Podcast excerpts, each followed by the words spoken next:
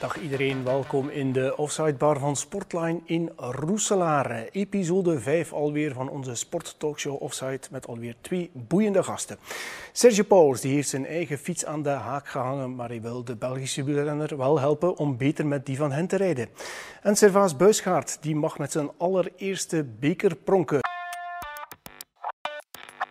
Hallo, eh, ik ben Servaas Buisgaard, speler van Filio Oostende. Ik ben vandaag de gast uh, bij Offside, bij Focus en WTV. Um, eh, en ik kom vertellen over onze bekeroverwinning van gisteren.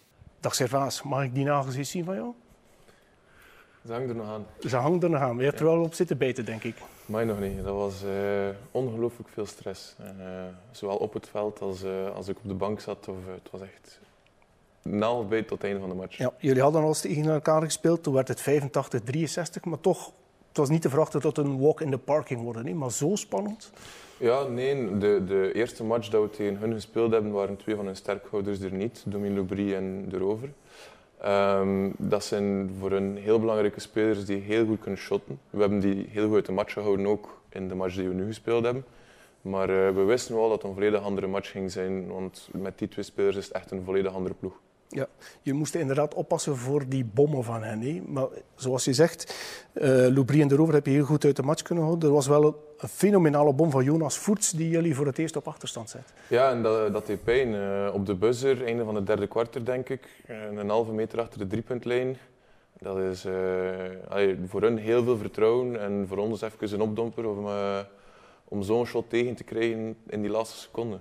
Ja, de wedstrijd kantelt voortdurend, maar dan is het toch wel weer de ervaring van een Dusan Djordjevic, van jullie coach ook Dario Djerja, die jullie over de streep trekt. Ja, ik denk dat dat enorm toont uh, hoe sterk onze ploeg is. Uh, omdat we afgewisseld zijn met jonge gasten en dan heel ervaren spelers met Dusan Djordjevic op kop, maar ook een Pierre-Antoine Gillet die een super match speelt. En ik mm. denk dat dat toch toont hoe sterk dat we zijn. Ja, Djordjevic die wordt er volgende week 38. Zit al sinds 2011 bij BCO, is nog uh, in de NBA-draft gezeten, maar is wel niet gedraft toen. Die heeft eigenlijk alles al meegemaakt. Die maak je toch niet gek? Nee, dat denk ik ook niet. Uh, dat is een speler die in moeilijke situaties heel rustig kan blijven en de, de, de, de juiste beslissing kan maken. Um, ik denk dat die heel belangrijk is voor ons en dat we moeten hopen dat hij zo lang mogelijk nog bij ons blijft. Ja, hij mist daar wel die vrije worp en dat doet hij eigenlijk nooit. Nee, dat, dat verbaasde mij ook, maar dat kan gebeuren. Uh, iedereen kan zijn vrije worp missen. We waren een heel harde ring daar in, uh, in Paleis 12. En natuurlijk, zo'n spannende match, zelfs bij Dusan Djordjevic, kan er eens wat stress komen. Ja, Loïc Schwartz die werd eh, uitgeroepen tot MVP, scoort 11 punten, maar is van goudwaarde ook voor jullie ploeg. Hè? Ja, ik denk dat dat een van de meest underrated spelers is bij ons. Uh, misschien nu al wat minder, maar toch de voorbije jaren wel. Die doet heel veel dingen die niet gezien worden. Uh, in defense heel sterk, heeft heel goed verdedigd op de rover en uh, Loubry. Dus ik denk dat dat uh, voor ons echt heel, een heel belangrijke speler is. Ja, hoe kijk je terug op jouw persoonlijke prestatie? Je speelt 21 minuten, 6 punten, 2 op 4, 2 uh, op 6 vrijworpen. Ja, ik denk, maar mijn vrijworpen zijn al een heel seizoen uh, een zwak punt bij mij. Ehm, de vorige match waren ze iets beter, maar natuurlijk eh, met de stress in, in zo'n belangrijke match was het niet goed. Maar ik ben over het algemeen wel tevreden over mijn match. Ehm, ik denk dat ik in de laatste 10 minuten heel tijd op het veld heb gestaan. Dus ook hele mooie kansen heb gekregen. En voor mij is dat super om uh, op zo'n match toch die minuten te mogen spelen. En ik denk dat ik geen slechte match heb gespeeld, maar natuurlijk bij Jong er zijn nog veel werkpunten. Ja, vorige week scoorde je tegen Luik 21 punten. Dat was jouw season beste, denk ik. Dat is mijn uh, season best, mijn career best in eerste klasse. Ik denk dat dat moeilijk gaat zijn om nog eens te doen op dit moment. Ja.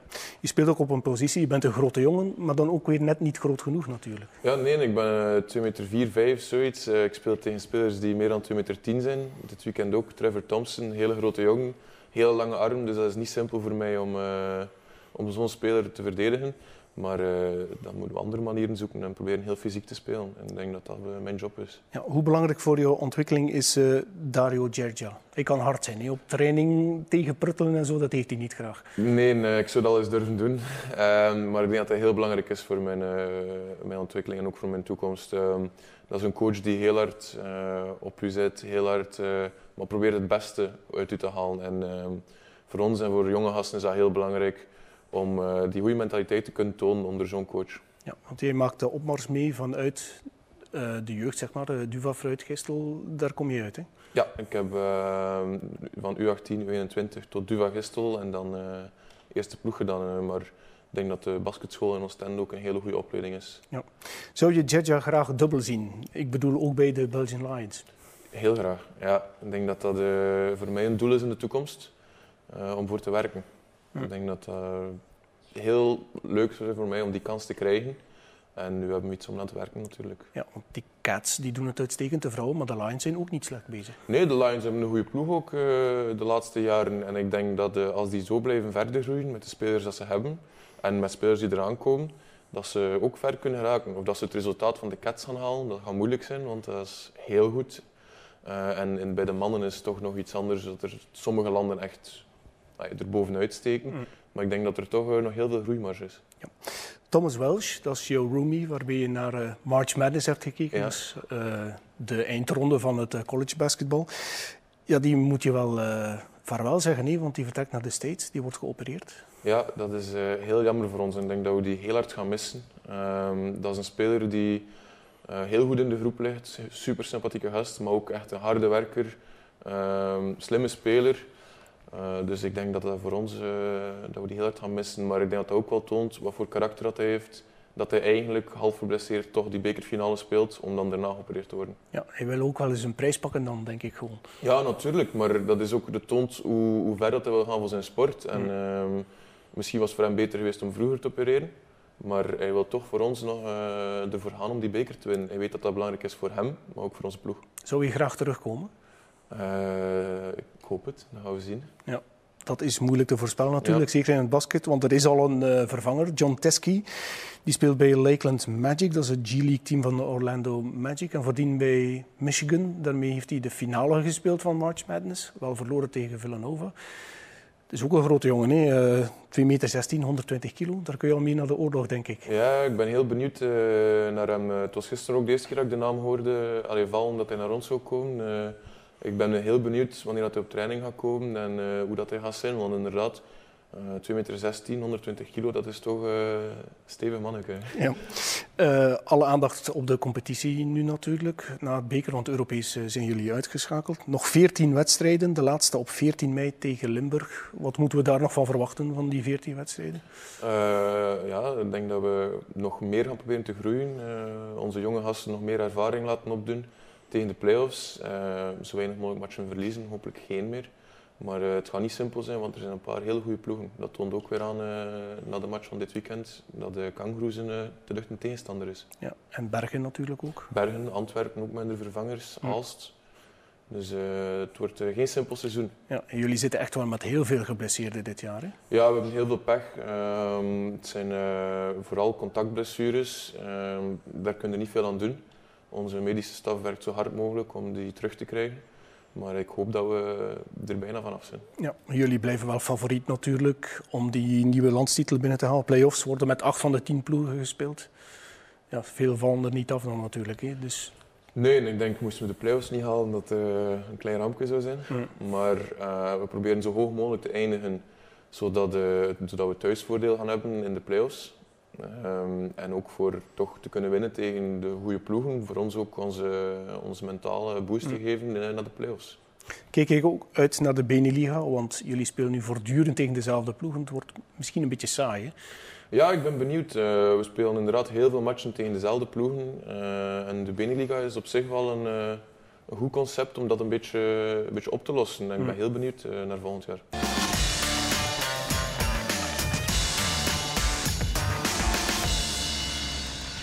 Hallo, ik ben Serge Pauwels, ex-profielrenner en ik was vanavond de gast in Offside bij Focus en WTV. En ik heb onder meer verteld over mijn nieuwe rol als development coach bij Belgian Cycling. Ken jij Michel Lalande? Nee. nee. Dat is de prefect van Les Eaux de France. Die zat vanmorgen op de radio en die zei dat de hemel boven Parijs-Roubaix minder blauw is. Dat ziet er daar niet goed uit.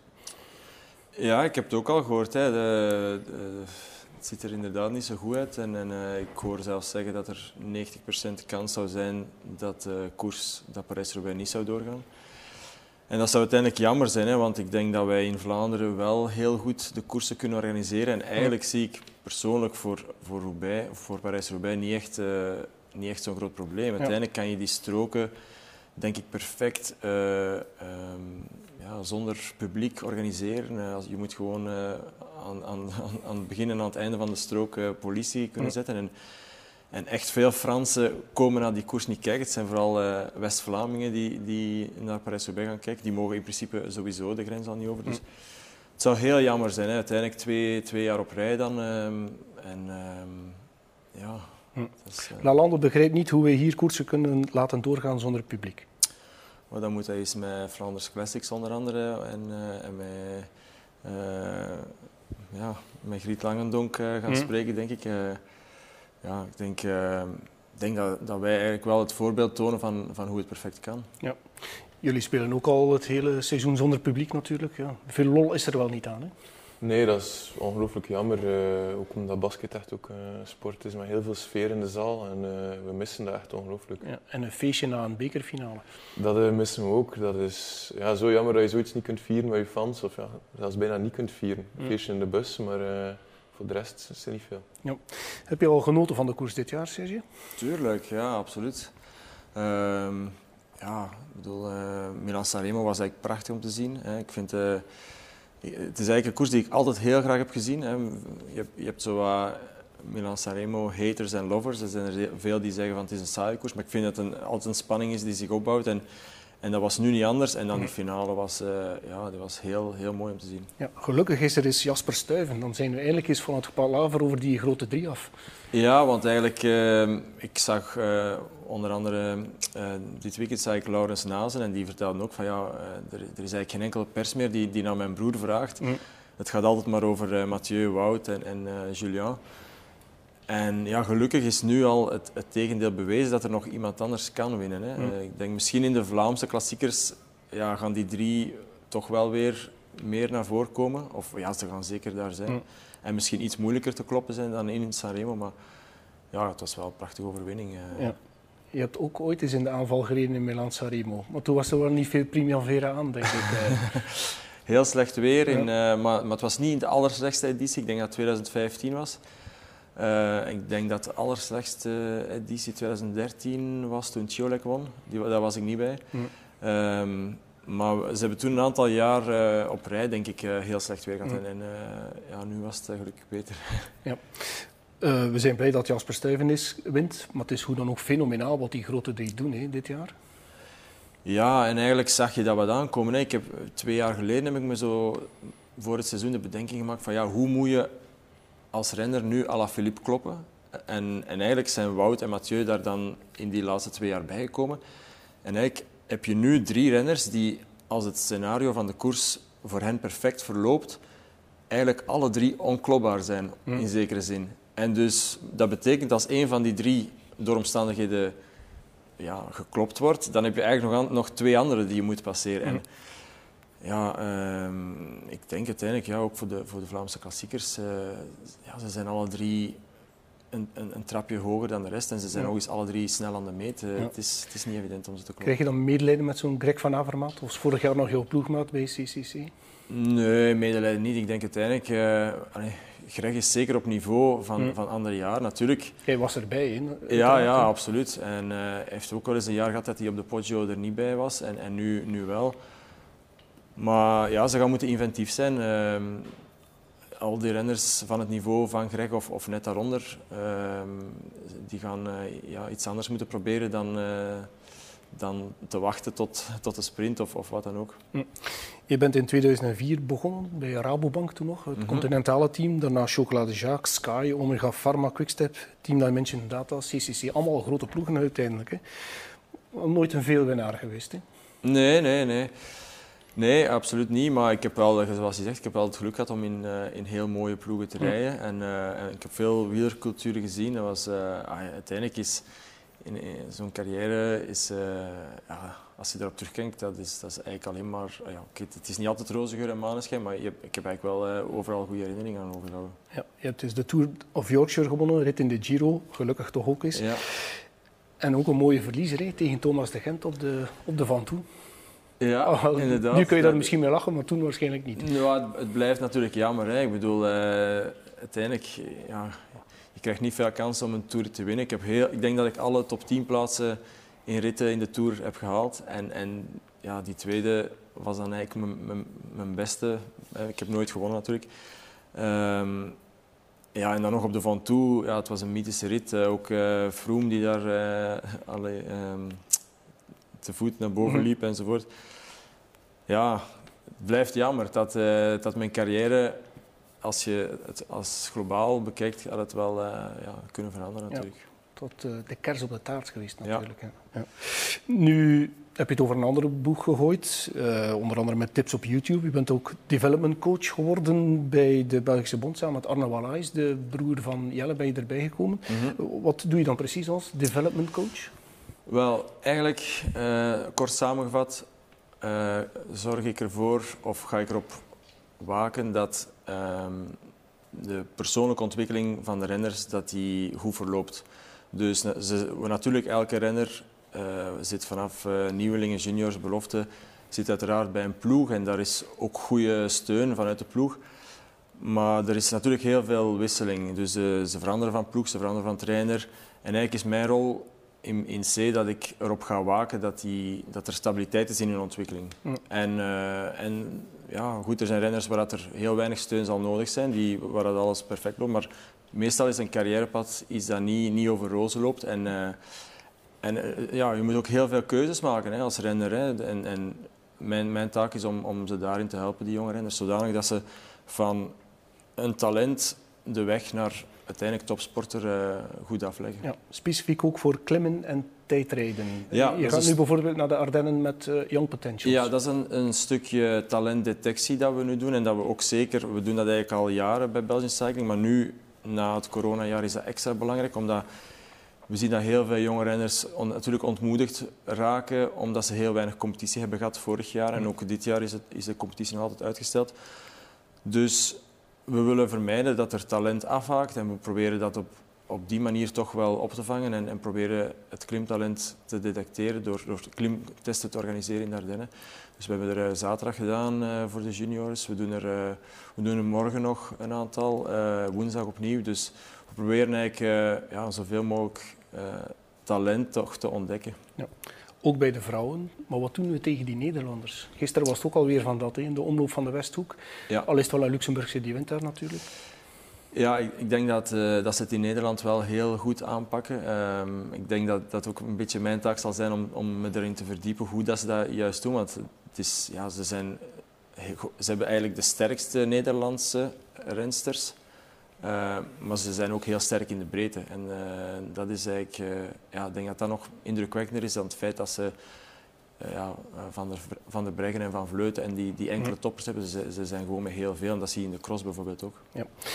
Er wordt bij jou thuis ongetwijfeld heel veel over koers gepraat, want jouw vrouw is Ine Bijn, mediafiguur zeg maar. Die kan zeer goed de Koppenberg oprijden.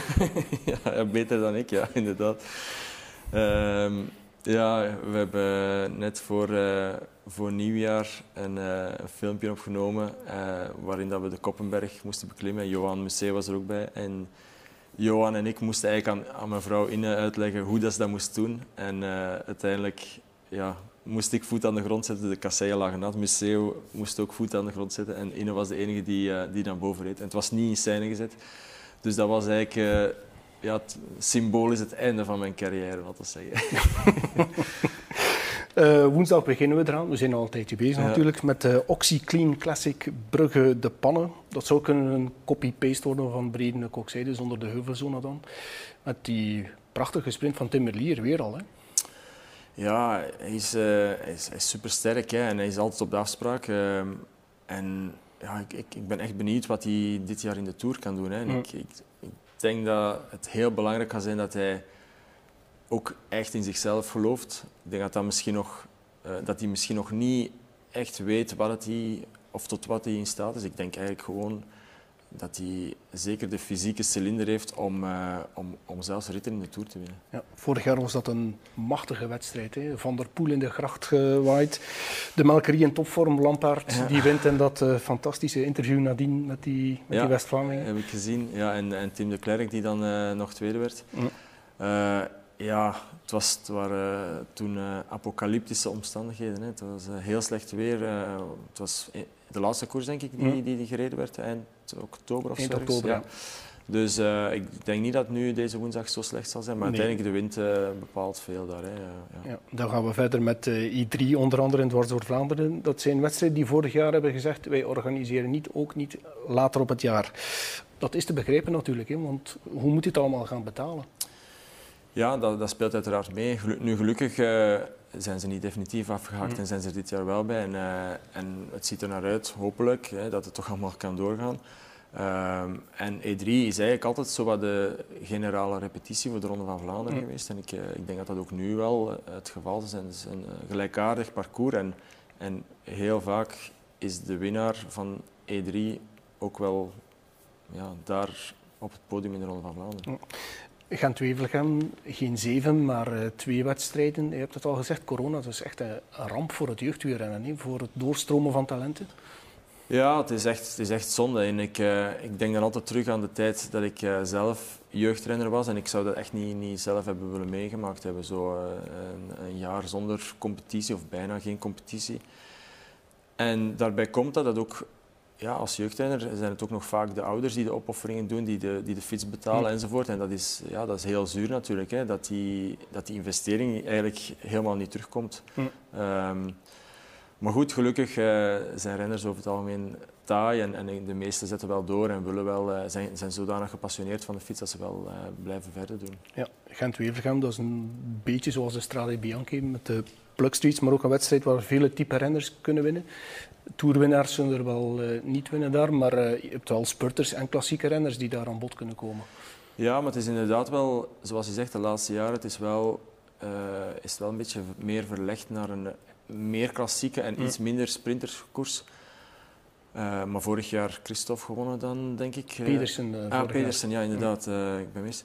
Um, ja, allee, denk dat daar nog een beetje alle kanten op. Uh, maar je bent toch maar beter rap aan de meet, denk ik. Absoluut, absoluut. En uh, ja, rap genoeg om die, drie, uh, die grote drie te kloppen. En dan zeker, denk ik, Wout en Mathieu in ja. Krijgen we weer zo'n scenario in de ronde als vorig jaar met die grote drie?